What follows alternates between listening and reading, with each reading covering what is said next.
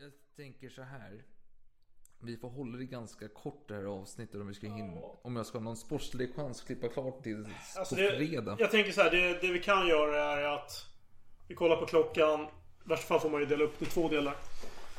Ja men så, vi kan inte, alltså vi kan inte ha två delar. Jo, det kan vi. Jo, jo, vi sa ju att vi skulle göra typ 10 delar, sa Bernhardt. Det, det är ju komiskt bara det. Vi får in det på 40 minuter så är det väl jättebra. Men jag tror det kan, det kan bli svårt. Eh, Av erfarenhet så vet jag att det kan bli svårt. Men vi, vi, vi försöker absolut. Jag ska försöka inte snacka skit. Nej, Jag man har- får väl snacka lite skit för helvete. Det är väl inte hela världen. Mitt konunganamn skall vara Karl den sextonde Gustav. We shall never surrender. allen Zeiten nicht die Mehrheit. Kom inte med en sån jävla provocerande och aggressiv ton mot mig. Där har våldet triumferat. Ask not what your country can do for you. Ask what you can do for your country. Ska vi verkligen öppna en till flaska? Ja, vad fan har du att välja mellan? Skål, ta mig fan. I have a dream. Ah, I see you look at your leader. And I too look to you, Paul Bauma.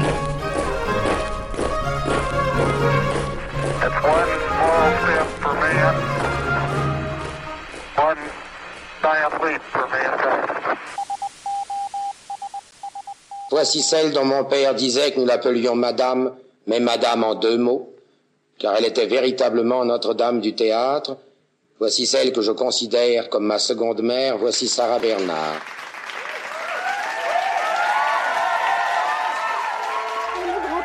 Aimer toujours, aimer quand même, aimez-vous bien les uns les autres. Il faut sacrifier sa vie à son amour. Moi, je vous montrerai comment on aime un jour. Amour, n'ayez que de l'amour dans la poitrine. Men då säger vi varmt välkomna till Salongsberusad historia.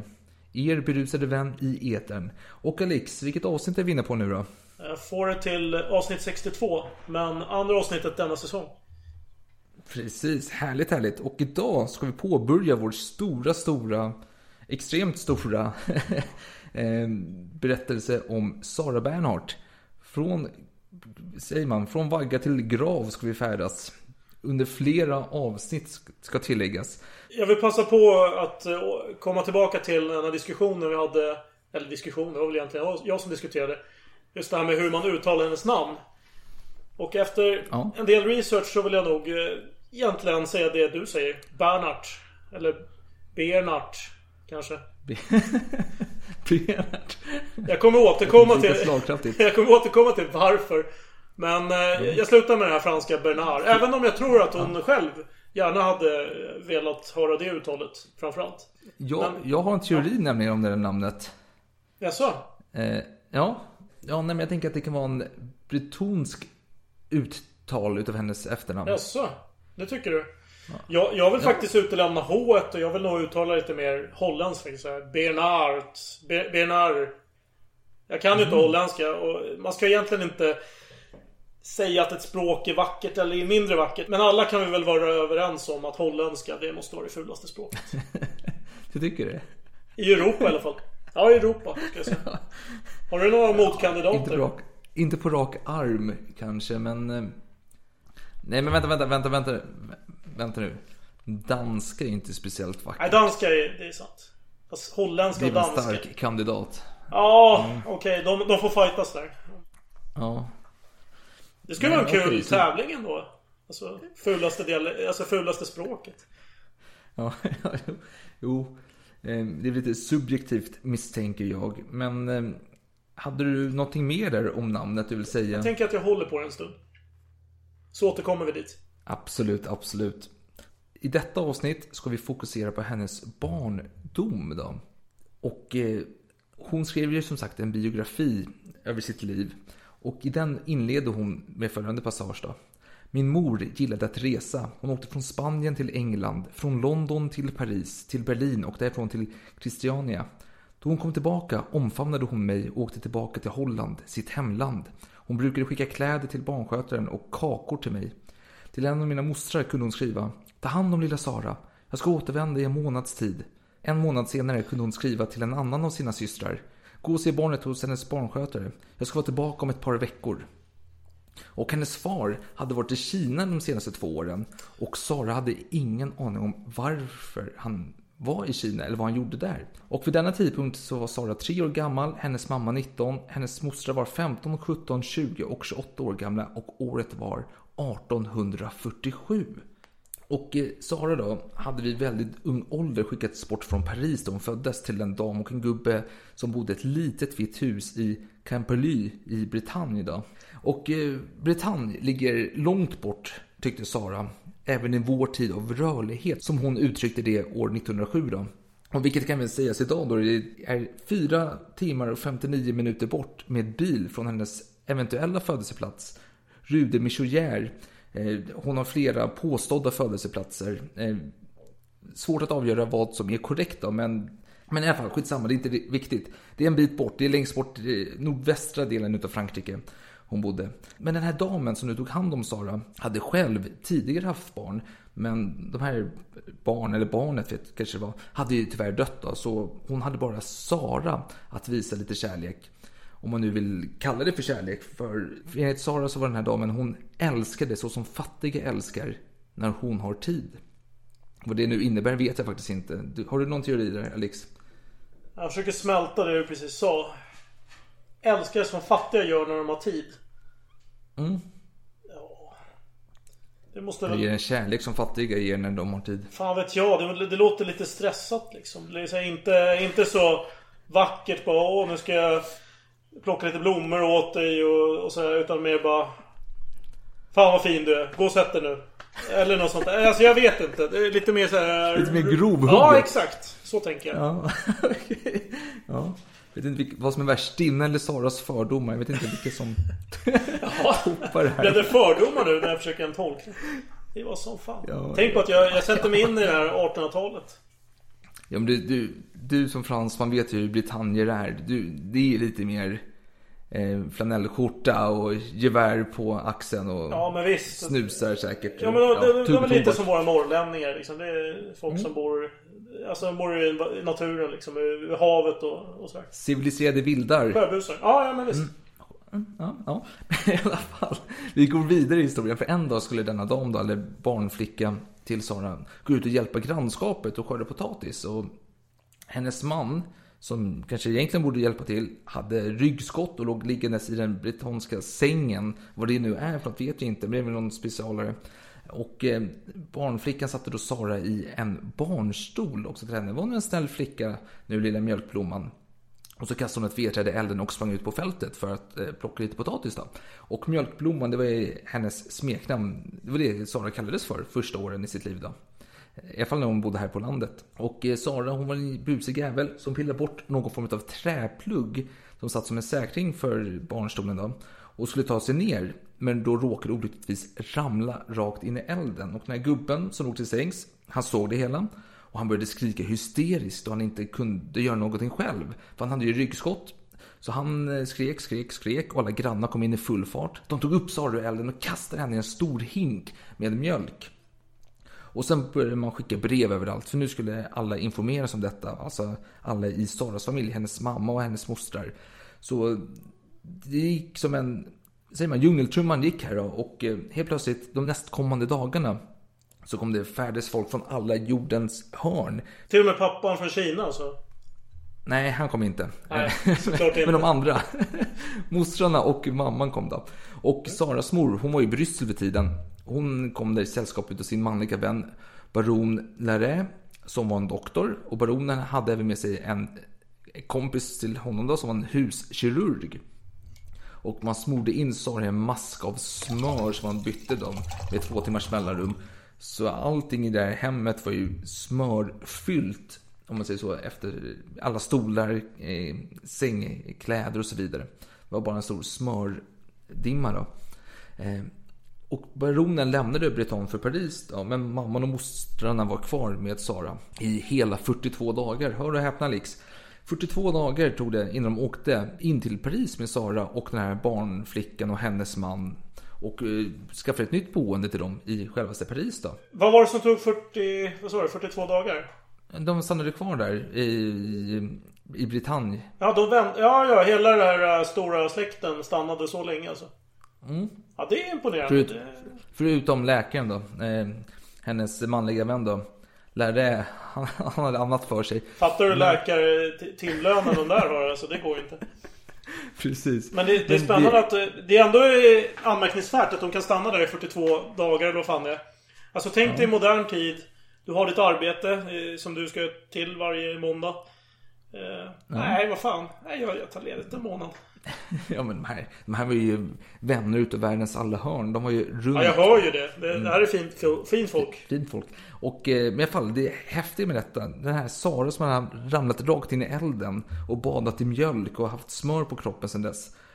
Nu när hon kom till Paris så kunde mamman visa upp henne och det var inte en endaste spår utav olyckan kunde ses på hennes hy. Oj, det är som att det inte har hänt. Precis. ja, precis. Magisk, eh, vet man, eh, läkkött. Ja, precis. Det, jag, jag kommer att tänka på den här gamla grekiska mytologin med hur, hur eh, hjältarna kunde vara helt oskadda. Eh, Alltså typ Achilles och så vidare kunde kanske hoppa in i elden utan att bli bränd och så. Precis. Ja, nej, men- men men så fort Sara var frisk igen och hyn var perfekt och det, det är det viktigaste. Så kunde mamman lämna henne för att åka iväg land och rike runt. Eller förlåt, jag reviderar detta. Land och riken runt. Eh, för hon var runt i hela Europa då. Och hon skickade hem pengar och leksaker. Och mostrarna skulle då besöka Sara. Eh, men de gjorde ju sällan det. Så helt plötsligt hände någonting. Det var så här att den här bretonska mannen som hade ryggskott tidigare. Han dog nu. Och den här barnflickan, hon träffade en ny man. Som hon gifte sig med. Och de skulle flytta. Och när de skulle flytta måste de meddela Saras mamma och mostrar att nu flyttar vi. Men ingen visste ju var mamman eller de här mostrarna var någonstans. För de var ju på säger man, resande fot titt som tätt. Så vad fan ska man göra? De flyttade. Eh, och ingen visste då var Sara hade tagit vägen. Och det de kom till då, eller det Sara kom till, det var ett hus. Jättefint hus, fantastiskt hus. På utsidan. Men när hon fick se sitt rum så blev allting svart. Det fanns inte ett endaste fönster i hennes rum. Och, och, Ja, det låter för jävligt På 1800-talet i alla fall. Även de hemskaste omständigheterna blir vardag till slut. Så Sara... Ja, förlåt att jag bryter här men jag kommer att tänka på Rasken som är en gammal serie från 70-talet med Mm. Sven Wollter. Mm. Och där, är, där, där gör de en stor sak av att slå in ett fönster i det här skjulet då, som de har. Så det är verkligen... Den där serien eh, utmålar ju misären i Sverige på liksom, i det 1800-talet. Precis. Och då var det ju liksom... De, de levde fattigt men de, de ville verkligen ha ett till fönster. Och det var verkligen jätteviktigt. Och här har vi alltså inga fönster. Precis, det här var som 1800-talets Småland fast i Frankrike då. Eh, Mm. Nej men eh, Sara blev vän med verkligheten. Hon lekte på gården för det fanns ändå en gård. Så det får man vara glad över då. Och sen så kommer en scen som är tagen från mer eller mindre Tant Grön, Tant Brun och Tant Gredelin. För tänk dig hur de ser ut de här stora klänningarna de går runt i sin lilla småstad. Precis så hände det. Var någon dam som var ute och gick, spatserade med en herre och pratade om eh, fönster på byggnader tydligen. Och Sara var ute på gården och lekte. Och hon kände igen den där rösten. Den var så bekant. Och sen kom hon på vem det tillhörde. Det är min moster, Rosin. Så hon blir överlycklig Sara och springer ut till henne och gråtandes utav alltså, glädjetårar såklart. Då, och kramar om henne. Här är jag, här är jag, moster, moster. Och hon torkar sin snoriga näsa på mosterns fina klänning. Och mostern är väl, oj, klappar lite försiktigt på henne. Så, min, min lilla vän, se så, se så, se så, lugna ner dig. Och då kommer den här barnflickan ut också. Hon är ganska gammal, alltså, så det är inte 20-årig barnflicka utan hon är väl 60 plus liksom. Hon kommer ut och förklarar vad som har skett. Liksom. Ja, men min man dog, jag fick inte ta på er så jag tog med henne hit. Var inte arg på mig liksom. Och Men dök hon bara upp av en slump alltså? Nej, men hon bodde ju där. Ja, Rosin dök upp som en slump bara. Hon var här och... Det är ju helt sjukt. Det är ju helt osannolikt. Hon spatserade runt där för att hitta något, hon tittade på läge, eller hus. Mhm. Utan någon konstig anledning. Eh, Ja, världen är liten. Mm, I alla fall pris. Eh, och, eh, men Sara sa så här, jag vill bort därifrån, jag trivs inte här. Det finns inget fönster på mitt rum. Och Mostern säger ja, ja, men lilla Sara, jag måste åka nu, men jag kommer tillbaka och hälsar på dig imorgon. Och Sara bönar och bad Rosin, ta med mig, ta med mig, kom igen nu, följ, låt mig följa med. Nej, tyvärr, jag kan inte göra det. Jag kommer tillbaka och hälsar på dig. Jag lovar, jag ska meddela din mamma att du är här också, så hon vet om det. Ta det lugnt nu. Men Sara, det svartnade för hennes ögon. Hon blev rasande, hon grät, hon skrek, hon slogs, hon rifs och hon spottade säkert. Hon gjorde säkert allt möjligt. Hon kom loss från eh, barnflickans grepp då och sprang efter sin moster. Och mostern steg in i sin lilla vagn då. Och här går historien isär. Det finns lite olika historier vad som händer här. Vissa säger att eh, desperation så hoppade Sara ut genom ett fönster. Och andra säger att hon sprang och ramlade ner från trottoarkanten då. Eller ja, trottoaren då. Och eh, skadade sig. För det som händer är att hon bryter armen på några ställen och skadar ena knäskålen. Och när en liten flicka är skadad så här som Sara är så kommer självklart mamma ridandes på en häst eller i alla fall i en vagn. Och eh, hon har med sig sina mostrar, sina övriga mostrar då. De kommer från alla Europas hörn. Ja, mammans systrar blir det då. Men, ja, men, precis. Ja, absolut. precis. Ja, Saras mostrar, eh, mamman och hennes systrar. Ja. Just det. Och eh, det här tyckte Sara var lite konstigt. Varför kommer aldrig nu igen? För de bryr sig aldrig annars om mig. Men nu när jag har skadat mig, då kommer de minsann. Ja, sista smörjelsen kanske. Vem vet? Men det tog i alla fall Sara två år att återhämta sig från dessa skador. Och dessa två år var väldigt tråkiga år i hennes liv, så hon vill inte återberätta dem själv. Och det gör inte vi heller, för vi hoppar vidare tills hon är sju år gammal.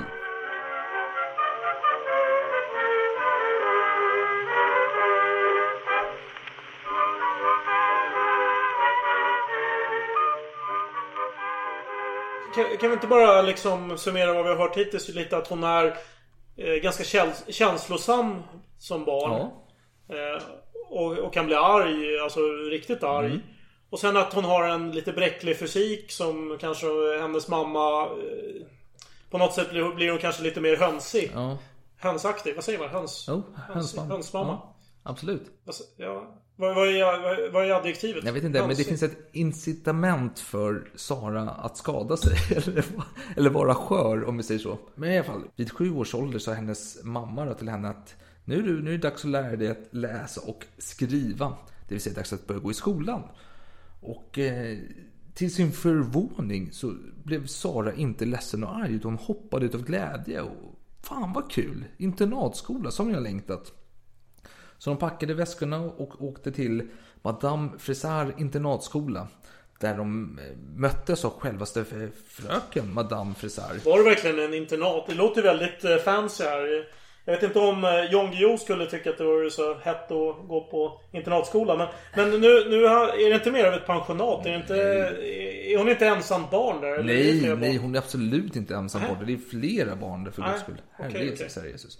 Och, Ja, ja, men skulle du verkligen klassa det som en skola så regelrätt? ja, ja, gud ja. Utan tvekan. Det är, det är inte bara en, eh, en kvinna som är lite lärd som kan knappt liksom skriva själv? Nej, nej, nej. Nähä? Nej, okej. Nej. okej. Nej, nej, nej, okej, okej. Nej, nej, det, här, det, här, det, det, det finns fler barn där. eh, Som hon lär sig leka med och så vidare, och så vidare, och så vidare. Så det är som en... Den här skolan då, vi säger att det är en skola. Ja. Ligger i Auteuil som är i utkanten av Paris, eh, sydvästra delen. Mm. Så kanske något, någon kilometer eller så från Eiffeltornet. Precis, det stämmer bra det. Och eh, de fick ta en tur då. De fick en liten rundvisning på denna internatskola. Det, jag kommer hävda bestämt att det är en skola, Alex. Tills du motbevisar mig. Ja. Eh, Nej men du har nog rätt. Vi kör på det. och eh, precis eh, innan mamman skulle säga då till Sara så tog hon eh, tag i Madame Frisard då, och tog henne åt sidan och sa så här. Detta är på doktorns ordination. Och så gav hon eh, Frisard en lång lista på saker som Sara uppenbarligen behövde för att må bra. Och frisören svarade lite artigt så här. Tyvärr madame, vi kommer inte kunna locka hennes hår eh, sådär. Och mamman började tjafsa tillbaka ett tag så här innan hon bytte ämne och sa så här, men förresten, vad ger ni barnen klockan fyra på eftermiddagen? Ja, ja, en skiva bröd och det som föräldrarna lämnar åt dem, svarade Madame Frisard då. då. Jag, jag vill bryta det här. Eh, Det, det är faktiskt ett kulturellt fenomen att i Frankrike då har det någonting som heter klockan fyra. Och det brukar vara faktiskt typ så här sötsaker som man får då. Så att det är typ som afternoon tea fast i Frankrike äter man så här bara ja, typ godis. Skulle jag säga. Det, det, är, det är någonting som bör nämnas. Ja, just när du säger klockan fyra. Precis, ja, jo, vi har ju klockan tre mellis i svensk kultur då, när vi kommer till Mhm, skola mhm. och eh, förskola och sånt där. Fast i Frankrike Eller är det klockan fyra ett begrepp. Ja, precis. Jo, men man... Fan, man gick... Men i Frankrike är klockan fyra ett begrepp. Jo, det är jättebra att du förtydligar det, Alex. Det är inte det jag menar. Man säger, man säger ju inte, man säger inte så här, nu vill jag ha en klockan tre här Nej, i nej, Sverige. säger- det, det är ingen som fattar vad det betyder. I alla fall. Du sa att i Frankrike klockan fyra så brukar man äta, äta sötsaker. Och här så var det Ja. en skiva bröd och med pålägg som föräldrar lämnat åt dem. Och då som eh, Sara Bernhards mamma då. Ja, ja, Det där pålägget eh, börjar väl stinka efter ett tag eller? Ja, det, Om, om föräldrarna ska lämna ja precis. Ja, men de skickar väl med nytt titt som tätt. Eller, eller cash bara. Köp en massa sånt Ja. här. säkert. Det låter ju mer rimligt. Precis. Ja, jo, men man, man, man svarade i alla fall så här. Ja, här har du 12 burkar med olika sorter av marmelad. Hon måste ha marmelad ena dagen och choklad den andra dagen. Och hon har dessutom dålig aptit och behöver olika maträtter. Och, jag har tagit med 2,7 kilo choklad till henne här.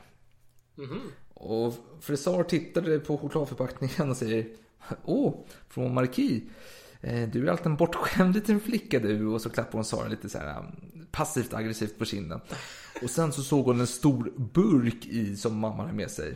Och såg lite förvånad ut. Och Saras mamma noterade där så här, ja just det, det där ja. Ja, det är kall grädde. Eh, Jag gör den själv och jag vill gärna att ni smörjer in min lilla flickas ansikte och händer varje kväll innan hon går och lägger sig. Eh, Men det är lugnt, jag betalar självklart eh, dubbla tvättavgifter för lakanen. Alltså det här låter ju lite som återigen de här grekiska myterna. Var det inte typ att hon... eh, Den här vackra Helena. Badade inte hon i... Nej, det var Kleopatra som badade i mjölk. Ja, jo. Ja, precis. Ja, jag bara tänker där att... eh, Ja, nej. jag förstår. Ja. Nej men och eh, det ska sägas att mamman betalade dubbelt. Men de bytte inte lakan mer ofta för det. Utan Sara fick ligga i de här gräddstinkande sängkläderna. Syrad grädde. Ja, och, men hon trivdes relativt bra här på internatet. Hon lärde sig läsa, skriva, sy, sjunga och lite spela spel och så vidare. Och efter två år så kom hennes moster Rosin och skulle hämta Sara. För Saras pappa hade nämligen skickat ett brev med order om att hon skulle förflyttas. Men Sara ville inte flytta. Hon blir rasande, hon skriker, gråter, hon är hysterisk. Så vad gör man om man är hysterisk på den här tiden? I sydvästra Paris där hon var. då. Någon kilometer från Eiffeltornet, ja, där Eiffeltornet kom att stå. Då. Det fanns inte på den här tiden. Eh, jo, men hon klättrar upp då, i ett träd och slänger sig ner i en damm som är full utav lera. Och eh, när hon var helt utmattad och färdig så slängde man in henne i Rosins vagn och körde iväg med henne hem till Rosin då. Och Sara var sjuk, hon var ynklig, hon hade feber och hon svävade mellan liv och död här i flera dygn. Och eh, medan hon återhämtade sig hemma hos moster Rosinda så kom hennes far på besök. Han var lika stilig som en gud, förklarade Sara. Och han förklarade att det väntade in hennes mor då, som var på väg. Men eh, modern var sjuk, så hon var fast i Holland eller Belgien, eller var hon var någonstans. Men att eh, hon skulle komma relativt snart. Och då skulle Sara börja gå på ett kloster. Då. Eh, Grand Chambre, klostret i Versailles. Och eh, innan Sara åkte dit då, så hade de en avskedsmiddag åt henne. Då hade ju mamma kommit på plats då. Och hennes gudfar Regie var där och alla var där helt plötsligt. Och hon kände sig väldigt viktig. En ovanlig känsla för Sara vid den här tiden. Och det var tjo och tjim och fest och gamman. Och eh, helt plötsligt så sa eh, hennes far med en djup röst till henne då. Lyssna på mig Sara. Om du sköter dig på klostret så kommer jag hämta dig om fyra år. Och du ska få resa med mig. Sen tog hon, han med sig Sara ut på en eh, lite promenad och de satte sig på en gammal bänk. De fick sitta i hans knä. Och eh, han eh, berättade massa saker för henne. Sorgliga saker. Som förstod massa saker om honom. Och ja, det var det. Hon grät i hans knä. Och dagen efteråt då så var det glädje igen för då åkte de till klostret. Och eh, de som var med på denna resa det var Sara, hennes pappa, hennes mamma och hennes moster Rosinda. Och när de kom fram så gick de ut på gården där vid klostret i Versailles. Grand Champ som det hette. Och helt plötsligt kom en nunna gåendes där och då ropade pappa någonting till henne. Så hon tog in dem då och visade in dem i en av salongerna som var en ståtlig fin salong med bänkar med röd sammet och på väggarna så var det storslagna tavlor av Sankt Augustin, påven Pius den nionde och Henrik den femte. Och då är alltså inte den gamla engelska kungen Henrik den femte, nej, nej, nej, nej, utan detta var ju då Henri Charles Ferdinand Marie Dieudonné d'Artois. Ja, Dieudonné, Dieudonné är ju den gudagåvan typ Ja. så. Ja. Men det var i alla fall, han, han var ju eh, den sista kvarvarande gubben på den äldre bourbonska släktgrenen då. Och han var faktiskt kung mellan den andra och... Ja, vänta. Ja, okej. Han, var, han var en legitim... Eller han var väl... Vad ska man... Legitimisternas tronpretendent. Jo, man, men han, konung. jo, man, I och med att Karl X hade abdikerat efter julirevolutionen där 1830 så blev man ju... Just det. Det, det, Så han var kung en väldigt kort tid Ja, då? eh, jag tror det var mellan andra och 9 augusti eller om det var andra till sjunde, någonstans där. Och det var runt 1830? Ja, där precis. Det var någonstans. 1830. Men det var augusti. Andra till sjunde eller andra till nionde. Jag tror det var andra till nionde att det var sju dagar han var kung. Och det, Ja, jag tror ingen bryr sig. Fortsätt. för var starka, starka royalister. De var som de gamla goda vendéerna. Men det är såklart, har du ett kloster i Versailles så har du ju faktiskt eh, ett, eh, ett arv att sköta. Och detta klostret kommer från Ludvig eh, den 15 dagar. Så det är såklart, de har ju en royalistisk heder i sina ådror här. Och de förkastar Napoleon den tredje som faktiskt var styrande på den här tiden då. Napoleons vidriga lilla brorson va? Ja, han var brorson. Eh, precis. Och det fanns ju någon anekdot runt just när han eh, skulle firas så ville man inte göra det på konventet. Man förbjöd alla festligheter. Men klostret, ifall hon går tillbaka till klostret och skiter i eh, Henrik den femte då. Eh, så var klostret som ett fängelse för Sara. Hon tyckte det kändes som ett fängelse. Hon bönade och bad och att slippa få vara där och åka tillbaka till Madame Fresards internatskola då. Men då kom massa kvinnor fram till henne. Det var moder prefekt och syster Serafin och moder Sankt Sofie och så vidare. Och alla hälsade och visade familjen runt då. Och det visade var Sara skulle sova och då visade det matsalen. Och Saras mor var mäkta imponerad över renligheten i matsalen. Det gillade hon. Men hon frågade liksom, men var ska Sara sitta och äta må tro? Och då visade systrarna dem att, eh, jo, hon ska sitta här, på den här platsen. Och då reagerade mamman starkt. Nej, nej, nej, nej, nej. Hon har ett mycket svagt bröst. Och där, när jag tänkte sätta henne, där drar det så mycket. Så nej, hon får absolut inte sitta där. Och hennes far höll ju med då. Och när farn med sin djupa röst höll med så gick systrarna med på att flytta Sara till en plats längst in i salen. Och de höll ju sitt löfte, till skillnad från Madame Frisard då, som eh, inte bytte lakan då. Eh, men kristna nunnor, de håller vad de lovar helt enkelt. Och sen var det så att mamman också ville veta hur hon skulle sova. Och då hade hon eh, blivit visad att eh, ja men det är uppför den här trappan här. Då hade hon tittat storögt på den här trappan för det var många steg. Men eh, hon, hon bara började bli yr i huvudet och det var så att pappa nästan fick bära henne upp för de här trapporna. Eh, för att hon, hon var så skör, jag vet inte. Hon var teatralisk på något sätt. Eh, men hon måste verkligen se hur Sara ska sova eftersom hon är så, hon är så delikat, hon är så känslig. Mm. Eh, just så bräcklig då kanske man ska säga. Ja. Och så fick hon se eh, sängen då. Och så, nej det här går inte för sig. Barnet kan inte sova här. Det är för kallt, det skulle döda henne! Och nunnorna återigen då, bara ja, ja, okej då. Nej, nej, men vi har det här och Vi kan sova här istället. Och det var ett rum som egentligen var anpassat för kanske sjuklingarna. Alltså Mm. de som, barnen som skulle vara sjuka. Så. Precis. De lå- löste problemet helt enkelt. Det verkar Jo. som att eh, föräldrarna säkert betalade bra så att de fick väl de här deluxe eh, behandlingen. Absolut, och hon fick ju som du säger, hon sov ju då bland sjuklingar hela tiden. det ska tilläggas. Så där låg ju alla de sjuka barnen med tuberkulos och skit säkert. Och så låg Sara där.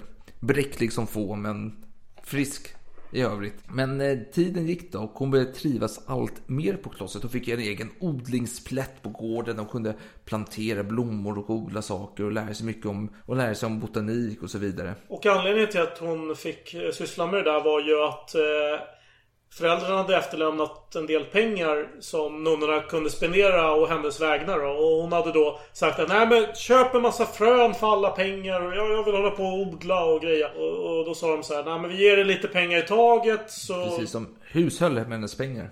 Ja men exakt. Och, och då hade hon... eh, Då hade nunnorna beordrat då att man skulle köpa in lite hinkar och spadar och, och tilldela en liten plätt åt henne och att odla upp lite blommor. Trevligt initiativ, får jag säga.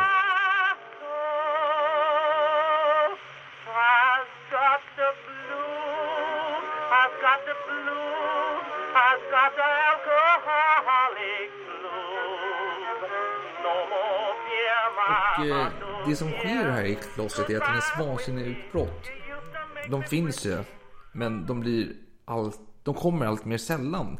Men en dag så ska hon borsta sitt lilla krulliga hår och så kommer en syster och ber henne skynda på nu för helvete.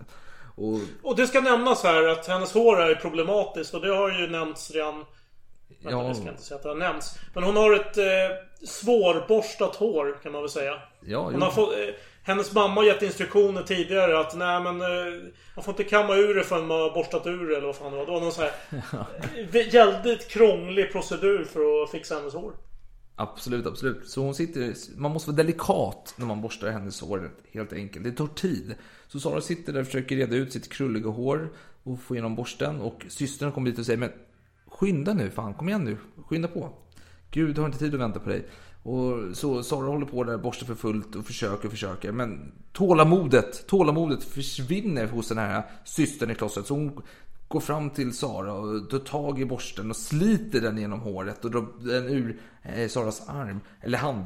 Och Sara blir galen, hon blir frustrerad, hon, det blir svart för hennes ögon. Hon skriker. Det lossnar ju hår här alltså. Ja, ja, ja, det, det, är det är brutalt, det är brutalt. Så hon skriker, slåss, riffs, spottar, gråter, skriker. Allt möjligt händer här. Och alla systrar kommer dit för att lugna situationen. Men det går inte, hon är helt hysterisk. Så till slut kommer moderprefekt då och kastar vigvatten för att eh, fördriva djävulen från Sara. Och till slut kommer Sofie Sara Nej, Sofie Sara. Kommer syster Sofie eh, fram och lyckas eh, lugna ner. Eh, hon, hon är väldigt mild till utseendet och rösten och sådär. Och tar hand om eh, Sara. Och Sara är väldigt lugn nu. Hon, hon, hon finner ju tröst här i syster Sofie då. Men, Ska vi kalla det föreståndarinna förresten? Du sa någon sån här prefektchef eller vad det var. Men Ja, eh. föreståndarinna tror jag är mer kanske rimligt eller? Har du något annat? nej, moderprefekt. Moderprefekt? Ja, vi, ja, ja okej vi kör på det. det tycker är lite kul. Men, Ja, om nej, du men kör moderprefekt. Ja. Nej, men kör det. Men Sara var inte bara en bråkstake, hon var även en hjältinna då, såklart. För även grekiska mytologier behöver sina motsatser. Och Sara är en verklighetens eh, mytologiska figur här då. Så Är det en motsats alltså? bråkstake och hjältinna. Ja, förlåt. Ja, ja, ja. Eh, ja, ja. Precis. Eller vad tänkte du på? Så jag någonting Ja, annat? jag, jag, jag ursäkt. missförstod bara. Nej, det jag tänkte var att eh, du har de här hjältarna i grekiska mytologin och så ska du ha en motsats i Sara. Men det här var ju hon ju en hjältinna. Ja, precis. Ja, det, hon kommer bli en hjältinna. att jag missförstod bara dig, helt enkelt. Jag ber om ursäkt om jag var otydlig. För det var så här, för en dag så hörs ett skrik utifrån dem. Och det är en yngre flicka som har ramlat ner i dammen. Så Sara springer ut där och hoppar rakt ner efter henne. Drar upp henne på, på land och säkerhet då. Och det var en liten flicka, var hon inte typ 3-4 år någonting sånt? Ja, något sånt. Och Sara var väl strax över 10 här då. Eh, 11, 12 och sånt där. Men i alla fall, det, det slutar som vanligt i att Sara blir sjuk en tid efteråt och ligger mellan liv och död återigen. Men som ligger där i sin vanliga säng då, för hon bor ju i sjuksalen vanligtvis, så hon passar ju bra där. Eh, så hör hon hur moder Sofie, eller syster Sofie, vad fan hennes sitter var, sa till en annan dag. Den här flickan är en av de bästa vi har här. Och dessa ord gjorde ett stort intryck och avtryck på Sara som började se sin framtid i horisonten eh, här. En framtid i Guds tjänst. Just på detta kloster, Grand Champ. Det, det jag funderar på är när, när hon hörde det här citatet. Hon är det bästa vi har här.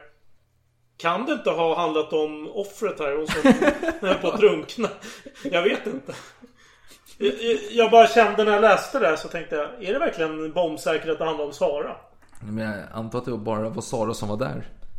Eller i och för sig, hon bodde i och för sig i sjuksalen så det är inte helt orimligt att den här lilla 3-4-åringen också låg där i någon säng visst tog det tid innan hon blev frisk? Alltså, jag Ja, det, det också. men det, det tar alltid tid för Sara. att Så hon frisk. var nog i sjuksalen, så det kan ju ha Men varit hon en bodde i sjuksalen Alex.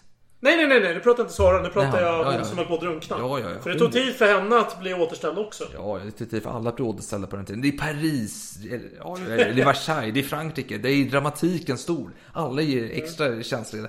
I Paris på Ja. den här tiden, eller Frankrike i stort, då känner man ju efter extra mycket på 1800-talet, Smith. Alltså, man biter ju inte ihop och går vidare, utan man känner ju Mm. Varje efter. händelse är stor liksom. Har man varit på ICA då är det en stor händelse fylld av fruktan och längtan. Och... Dramatik och man Ja, gråter ja, gärna när man är i, Ja, i man, man tittar på prislappen. Man, man ser varan, man, man gråter av glädje. Så tittar man på prislappen så gråter man av sorg. Och så, ja, och så ser man bara oj, men vänta nu. Om jag köper två, då blir det billigare. Åh! Fantastiskt! Åh! Du måste ta ner bilen liksom. Inte. Ja, äh, ja, ja, jag har tagit tillräckligt med vin, men det har du.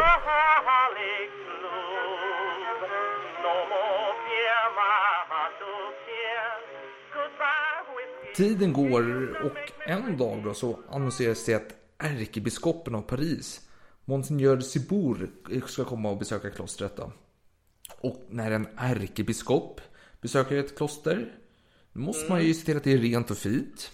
Eh, Ja, visst, det är som att eh, du jobbar för ett företag och VDn ska komma på besök. Då är det precis samma sak som händer. Och varför inte då slänga in en liten pjäs i det hela? Det är ju då en Moder Therese då, som eh, finns på klostret. Hon har skrivit en liten pjäs baserat på historien om Tobit och Tobias. Från Bibeln som ni känner till. Den här klassiska om den blinde Tobit som eh, hans eh, son Tobias går ut och hittar någonting och gnuggar någon sjömonster, lever, vad fan var det i ögonen på honom Ja, som kan se precis. Inälvor. Ja, Men nu, precis. ja precis. Och när du säger pjäs så är det en teaterpjäs alltså. Ja, ja men såklart. Vad fan finns det andra för pjäser Alex? Nej, Jag vet inte, jag förtydligar bara. Ja, ja. Men Sara i alla fall. Hon vill ju ha en roll i denna pjäs. Hon är ganska säker på att hon kommer få en roll i denna pjäs. Framför allt med tanke på att hon är en utav det bästa de har på klostret enligt eh, syster Sofie då. Men till sin fasa så fick hon höra att hon inte hade någon roll i pjäsen. Ja, eller hon, hon hörde helt enkelt inte hennes namn läsas upp. För man läste upp alla rollerna tillsammans med barnen då som skulle spela rollerna. Ja. Och hennes namn lästes aldrig upp. Nej, och då har man ju inte en roll i pjäsen, helt enkelt. Exakt, precis. Och, men rollen som ärkeängeln Rafael har ju gått till hennes vän Louise. Så Sara går till sin vän Louise och ber om att få se på manuskriptet och hon läser replikerna och hon lovar den här Louise att "Men jag, jag kan träna på de här eh, scenerna med dig sen. Då. Mm. Så gick hon till de andra som hade fått roller i pjäsen och frågade om hon fick se på manuskriptet och läsa deras rader också och så vidare.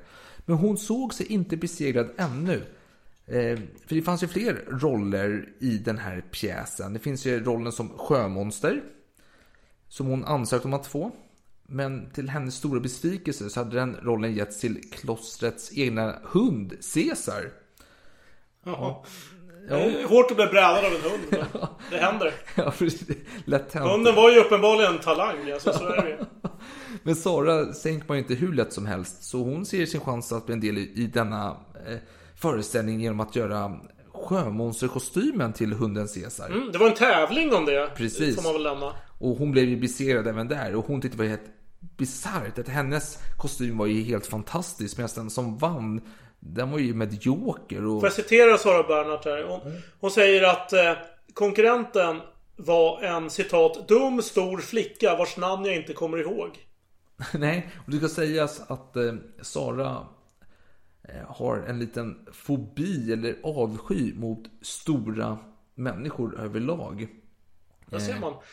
Ja. Jag, jag vill också bara nämna konkurrentens eh, kostym då. Ja. Eh, Sara anmärkte på att det var bara typ en svans och en mask då. På den här Mm. kostymen. Så det var inga fiskfjäll. Eh, och det innebar då att hundens päls var fullt synlig. Det var ju en sån här ovårdad päls. För det var ingen som kammar den här hunden uppenbarligen. Och det tyckte hon var förargligt. Så hon var inte helt nöjd med att de eh, valde bort hennes Nej, fina nej. kostym. Hon hade ju kämpat med fiskfjäll här. Ja, för guds skull. Ja, hon var ju fan flitig här. Sara eh, gav ju inte helt upp här. Okej, hon hade inte fått någon roll. Hon hade inte ens fått göra kostymen här för den här hunden, Caesar. Men hon kunde i alla fall hjälpa till med att göra kostymen till eh, kompisen Louise. Den här änglakostymen. Tillsammans med två leksystrar. Det var hon stolt över. Men eh, Eh, det börjar närma sig, man börjar repetera. Och eh, hennes vän Louise då, hon börjar visa på lite svaga nerver. Hon tycker det är lite jobbigt att de glömmer bort rader. Så Sara kommer upp på scenen ibland och viskar raderna i hennes öra. Så här, så här det går det till. Och hon försöker och försöker. Men sen under genrepet så faller Louise ihop för trycket. Hon klarar inte av det längre. När hon ska gå på scenen så börjar hon böla. Hon går ner på knäna och gråter. Hon är miserabel. Hon kan inte genomföra jag kan, detta. jag kan citera henne till och med. Hon, hon sa då enligt Sara. Åh nej! Jag kommer aldrig att göra detta. Aldrig!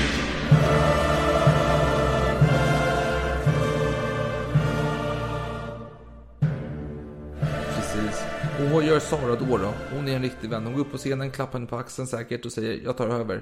Och de andra bara, jaha. Och så börjar hon köra på här, Sara. Och eh, den här uh, Louise försöker ge en scenkläderna. Hon har ju den här ängladräkten Ja, ja. på sig. Så hon erbjuder det till Sara när Sara ska repetera. Men Sara vägrar ta emot dem. Hon säger bara, nej men jag ska göra det i mina egna kläder. Ja, precis. Hon, hon testar först där. Och hennes röst hörs över hela salongen. Hon är ljudlig, hon är säker. Man hör varenda ord hon säger. Ja, till skillnad från Louise då som väldigt svagröstad. Hon ser ut som en ängel tydligen. Men hon, hon har ingen röst överhuvudtaget. Nej, hon är nej. blyg och så vidare. Hon var blek som Och, en eh, ängel. Ja, hon var blek precis. Ja. Och Sara gjorde bra ifrån sig. Hon hade repliker som innefattade ett tal på minst 30 meningar enligt, eh, ja, citerat från hennes självbiografi. Mm. Och, eh, men det som gjorde den stora succén med den här pjäsen under genrepet framförallt, det var ju då Sjömonstret, eller hunden Caesar då. Ja, det måste man säga. Alltså i de scener när han skulle falla ihop så gjorde han det och han, han var aggressiv när han skulle vara det. Och alltså jag vet inte hur de har lyckats men den här hunden han är ju en Han är vältränad. fantastisk talang. Ja, det måste man säga. Ja, Fantastiskt. Han, han spelar ju död där och då blir alla blir hysteriska. De står och jublar, de står upp, stående ovationer. Och eh, nej men, när hunden Caesar spelar död så hoppar ju Sara ner från där hon står och klappar honom och säger "Gu- eh, duktig, duktig Caesar, duktig hund, duktig pojke. Och Caesar ligger, alltså han är inne i karaktären. Han spelar fortfarande död här. Trots att alla står runt honom och klappar honom och hurrar på honom. Så ligger han kvar där. Fantastisk talang alltså. Ja, verkligen, verkligen. Imponerande, imponerande. Och eh, de fortsätter nästa akt. Alltså, eh, det är nu när Rafael, ärkeängeln Sara, tar, förklarar vad Tobias ska göra med alla inälvor på det här sjömonstret. Det är, det är lite komiskt bara att eh, jag bara tänker att nu spelas ju alla roller av kvinnor i den här pjäsen. Ja. Men i antika Grekland så spelade ju rollen av alla, bara män. Och eh, ärkeängeln Rafael var ju en man då. Det, det är lite kul. Jo, det är kul. Men eh, det blev ju som sagt, efteråt var alla nöjda. De klappade eh, Sara på huvudet och sa att du var fantastiskt duktig insats. Och eh, nu närmar det sig själva premiären. För helt plötsligt så kommer dagen alla har väntat på. Dagen då ärkebiskopen Sibor kommer. Och de genomför pjäsen. Vad tycker han om den Alex? Ja, han blev... Han eh, drog på läpparna kan man säga när han såg hunden Caesar. med, med den här uh, raggiga utstyrseln då. Eh, så han var ju mäkta imponerad av framförallt Caesar. Jag har inga uppgifter om att han eh, lade märke till Sara på något speciellt sätt. Nej, nej, men det han ska göra sen efteråt då, att han hälsar på alla och ger medaljer till de här deltagarna. Då. Och eh, när han kommer fram till Sara så säger han så här, vänta eh, nu, inte du den där flickan som inte är döpt ännu? Och då skäms ju Sara lite och ena systern då kommer fram och svarar, ja, jo, jo, det stämmer, det stämmer, herr ärkebiskop. Men eh, ja, hon ska ju döpas till våren då. Och Sibor då, han sitter där och bara, mm, funderar lite, kliar sig på hakan och säger så här. Men då ska jag försöka komma och bevittna hennes dop under våren. Och då Sara blev ju helt frälst. Efter detta, så fort hon blev arg och fick sina utbrott, vad gjorde hon då? Hon tänkte på ärkebiskopen Sibor och då blev hon lugn. Hon blev lugn direkt. Och eh, ja, Dagarna gick och en dag så vaknade hon upp till beskedet, som i svenska tidningar då, vilket till exempel Arboga veckoblad skrev den 9 januari 1857 att från Paris berättas att ärkebiskopen Marie Dominique Auguste Sebour blivit vid den 2 januari då han lämnat Etienne-kyrkan mördad av en präst. Då. Och den här prästen var Jean-Louis Verger. I, han har ett annat namn i svenska tidningar då. I alla fall, han, eh, han hade helt lugnt gått in i Etienne-kyrkan och huggit prästen då, ärkebiskopen Sibor till döds. Och när han högg honom till döds så ska han ha skrikit Man låter inte en präst dö av hunger. Och varför vill han då döda den här ärkebiskopen? Jo, men han hade offentligt predikat emot den kyrkliga celibatet och dogmen om den obefläckade avelsen som eh, Pius den nionde hade genomfört. Då. Och eh, det lite intressanta med denna person är att eh, han, alltså han låter sig gripas. Han försöker inte undfly. Han är helt lugn. Han lämnar över sin blodiga kniv till de som griper honom och säger så. En Ankarström alltså? Ja, ja fast Ankarström försökte ju fly liksom. Eh, men den här personen, han, han gjorde inte det. Eh, utan han bara lämnade över sin blodiga kniv och sa det, jag gjorde detta, det är inget, inget konstigt. Och, eh, Ravaillac? ja, Ravaillac. Fan, vi måste ha ett avsnitt om Ravaillacs död förresten. Bara. ja, det, det, är helt, det, det är fan kul alltså. Eh, ja. Äh, kul, det är hårda ord. Det, det tar jag avstånd från. Jo, men det roliga är så om man läser Östgöta-Kuriren den 3 september 1887, alltså långt efteråt detta eh, hänt. Då finns en liten artikel om detta ämne då, om denna mördare då, som hette Berger i svensk press. Då. Och själva artikeln handlar om, alltså det handlar det är inte... Jag, jag tycker ändå det är skönt att man tror att han heter Berger. Alltså vad fan. det, det låter jävligt svenskt eller norskt men... Ja, jo. Ja, okay. Nej, men det är en avhandling som har publicerats i någon Nationaltiden någon dansk skrift. Då. Där man går igenom lite dödsstraff och hur de har utspelat sig. Och då är det lite utdrag från den uppsatsen då. Men då står det så här i alla fall.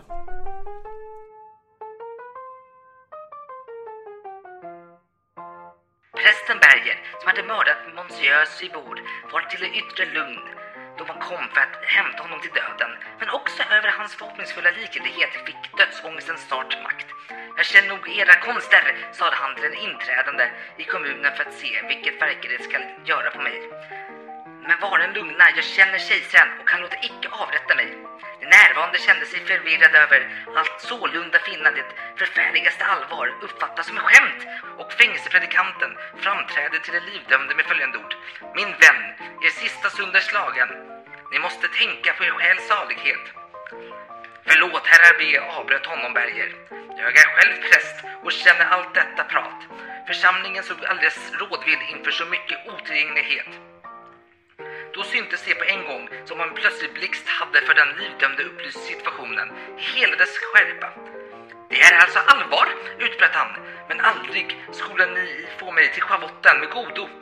Han klängde sig fast vid sin säng och betraktade sin omgivning med en blick som en människa vilket hellre vill låta sig slitas i stycken än flytta sig ett steg från stället. Men i nästa ögonblick kastade han sig på knä och hopknäppte händer och stönade. Gå till kejsaren, säg till honom att jag icke vill dö. Bed honom skänka min nåd. Detta ögonblick begagnade uppsyningsmännen att kasta sig över honom. Nu begynte en så fruktansvärd strid att fängelsedirektören Lassalle kände sig nära att svimma och måste lämna cellen. Berger höll sig fast i sängen, i männen i dörren och vrålade som ett vilddjur. Man hittade då på den utvägen att skicka bud på skarprättaren Heidenreich, en kolossal stark man vars kraftiga figur och kortklippta vita hår, putsade kindskägg och välrakade haka gav honom utseendet av en pensionerad officer. Han inträdde i cellen just som striden rasade våldsammast. Nå, Berger, sade han och fäste sitt förundliga klara öga på honom. Vill ni icke gå med godo? Då tvingar ni oss ju att bruka våld. Berger såg på böden och darrade. Han uppgav allt motstånd, lät sig lugnt bindas och följde utan att göra någon vidare invändning. Mm.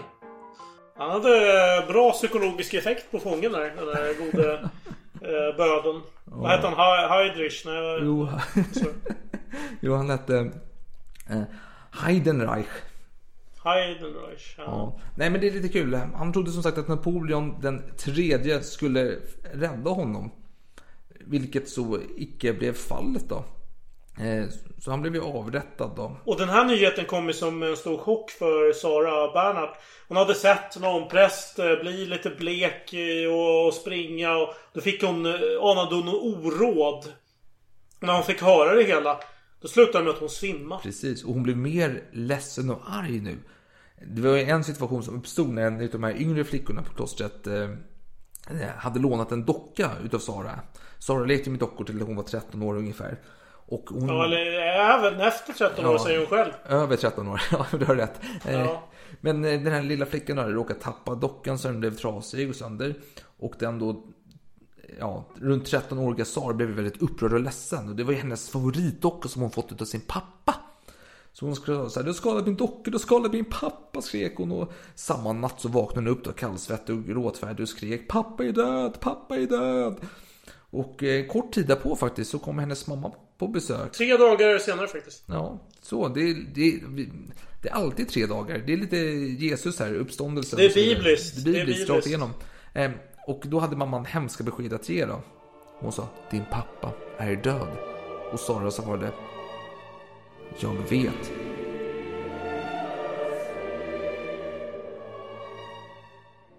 När det var dags för dop och så vidare så hade hennes mamma kommit och hon hade bokat någon jävla stuga i Versaillesområdet. Men grejen är att eh, Sara skulle vara isolerad en vecka innan och en vecka efteråt. Någon... Ja, det är någon religiös anledning säkert. Ja, ja, absolut. Och då sa ju de här eh, kloss... eh, systrarna på klostret till mamman att du får inte ta Sara här än liksom. Och då blev mamman lite bestört och började gråta och tyckte det var så tråkigt. Hon har ju bokat ett hus här för guds skull, en stuga. Men Sara kände ingenting utav att se hennes mamma ledsen, utan snarare tvärtom. Hon tyckte att det gläd... Alltså, hon, kände, hon kände lite glädje över det hela. Lite skamset över det, men hon Hon kände... gillade känslorna. Hon gillade känsloyttringarna för henne. Ja. Och, men sen till slut så, hennes mamma hade med sig någon skön lirare till slut, och någon liten eh, ädlare herre. Så, och han, efter hon hade döpts då och eh, varit isolerad en vecka så kunde de ta med Sara på en liten resa. De åkte runt till eh, Pyrenéerna, vad fan vad det var. Och eh, de åkte, Sara tyckte det var jättekul. Hon kom tillbaka till klostret sen med två getter faktiskt som hon hade Ja, fått med sig. någon fågel också tror jag. Ja, precis, Ja. precis, precis. Men, men när de var på resan då hade de sju getter och hon snackade om att hon skulle bli getherde och, Mm. och sådär. Hon, hon blir väldigt låst vid vad hon ser för stunden, vad hon får känslor för. Och bara, eh, ser hon massa blommor då vill hon bli botanist och ser hon getter då vill hon bli getherde. Ja, varför inte? Så, det kan man väl säga. Så Ja, långt absolut, i alla fall. Hon, hon får starka intryck. Jo. eh, jo. Hon låser sig vid det hon har för stunden, minst sagt. Men eh, hon kommer tillbaka till klostret i alla fall och hon är där ett litet tag. En dag så var hon ute med ett gäng kamrater och så föll en soldathatt. eh, En chacot. Som ni kanske känner igen från intro till ett slag för berusning. Framför hennes fötter. Och en chacot det är alltså en eh, slags eh, militärhatt som är... Alltså om man tänker franska, franska främlingslegionen har ju sådana hattar till exempel. Mm. Det är så här cylindriska hattar. Tidstypiskt. Ja. Eh, och den bara dök upp framför hennes fötter. Och den kom från andra sidan muren. För att det här klosterområdet är ju då begränsat av murar som leder lite varstans till eh, järnvägar och annat. Och allihop bara stannade till och lyssnade. För nu undrar de, var, var kommer den här hatten ifrån? Och då hörde de ljud från andra sidan muren. Och då var det någon som utropade Var inte dum! Det är idiotiskt! Det är Grandchamps konvent! Och så var det en annan röst som sa men, men hur ska jag få tillbaka min chacot? Och, och då alla de här flickorna bara stelade. Och helt plötsligt dök en soldat upp på muren. Och barnen började skrika till av rädsla. Och nunnorna ropade till ilsket. Bara, vad, vad gör du här? Åh!" Och alla barnen de bara sprang iväg från den här soldaten. Och soldaten uppe på muren, han ropade förtvivlat. Har ni sett min chacot, unga damer? Och då svarade Sara gråtandes. Nej, nej! Jag vet inte varför hon var gråtande. Men det var väl i tidsandan här. Och, och, och Sara hon klättrade upp för någon stege. Upp för någon annan mur här. Och, och så lät hon den här stegen falla ner trasig. Den gick i spillror. Och så stod hon sedan upp. Och ropade triumfatoriskt. Här är din chacot. Men du får den inte nu! Sen satte hon den på sitt huvud. Och den här soldaten, han blev ursinnig. Han hoppade ner från muren och rusade i hennes riktning. Och bara... Och tryckte bort de här flickorna som var i vägen. Och nunnorna, de blev ju förskräckta. De kallade på förstärkning började eh, slå i bjällror och, och grejer. Och då kom det förstärkningar, en massa soldater dit. Och först innan hon krävde att eh, Sara skulle komma ner och, och lämna tillbaka den här hatten. Eh, och det blev en massa tjafs, men det slutade med att hon kastade iväg hatten eh, ut någonstans. Och det var några soldater som svor. Och hon vägrade komma ner. Hon skulle stanna där uppe framåt natten liksom. Jag stannar här tills alla har gått. Grejen var väl lite det att hon kände att allting hade gått lite för långt. Hennes bus hade gått lite för långt. Alla var ju arga på henne. Och hon kände väl inte att det var läge att gå ner där. Hon ville ju vara kvar och hon skämde sig lite tror jag. Mm. Hon hade dragit det lite för långt. Och sen när det började mörkna då började hon bli rädd. För hon är ju känslosam va. Och Ja. kände att hon var ju nära någon kyrkogård också. Och det var mörkt. Det, var ju helt enkelt otäckt. Eh, så hon skulle börja gå ner då för den här muren. Hon släppte ner någon slags eh, repsteg eller något. Eh, Men då helt plötsligt kom den här Caesar, den här stjärnan från föreställningen. Han kom fram och han var aggressiv, han var arg! Och jättearg! Och Sara blev orolig och började prata med Caesar. Bara, jag känner inte igen mig. Det är jag, Sara. Du, du vet vem jag är. Men, men eh, Cesar, Caesar, han var obeveklig. Han fortsatte skälla. Och Sara var livrädd. Så hon, hon, hon väntade där uppe och var, hon var rädd. Och det han, han går lite tid. Och till slut så kom den här moderprefekten fram. Och det visade sig att hon hade stått där bakom någon mur och väntat hela tiden. Hon hade eh, bett alla andra att gå därifrån. Och hon hade väntat. Hon hade minsann inte ätit någon mat heller. Utan hon stod där och väntade på eh, Sara. Och eh, tog till slut emot henne då. Men det här slutade ju inte riktigt gott va. För att Sara är en bräcklig själ. Så att hon var, blev ju sjuk av allt detta. Låt mig gissa. Svävar hon mellan liv och död ytterligare en, en gång? Ja, så var det faktiskt. Så var det faktiskt. Då kommer min stora fråga Alex. Detta är ju som hon själv beskriver sin ungdom och barndom i sin självbiografi. Men stämmer det? Svaret får ni veta i nästa avsnitt.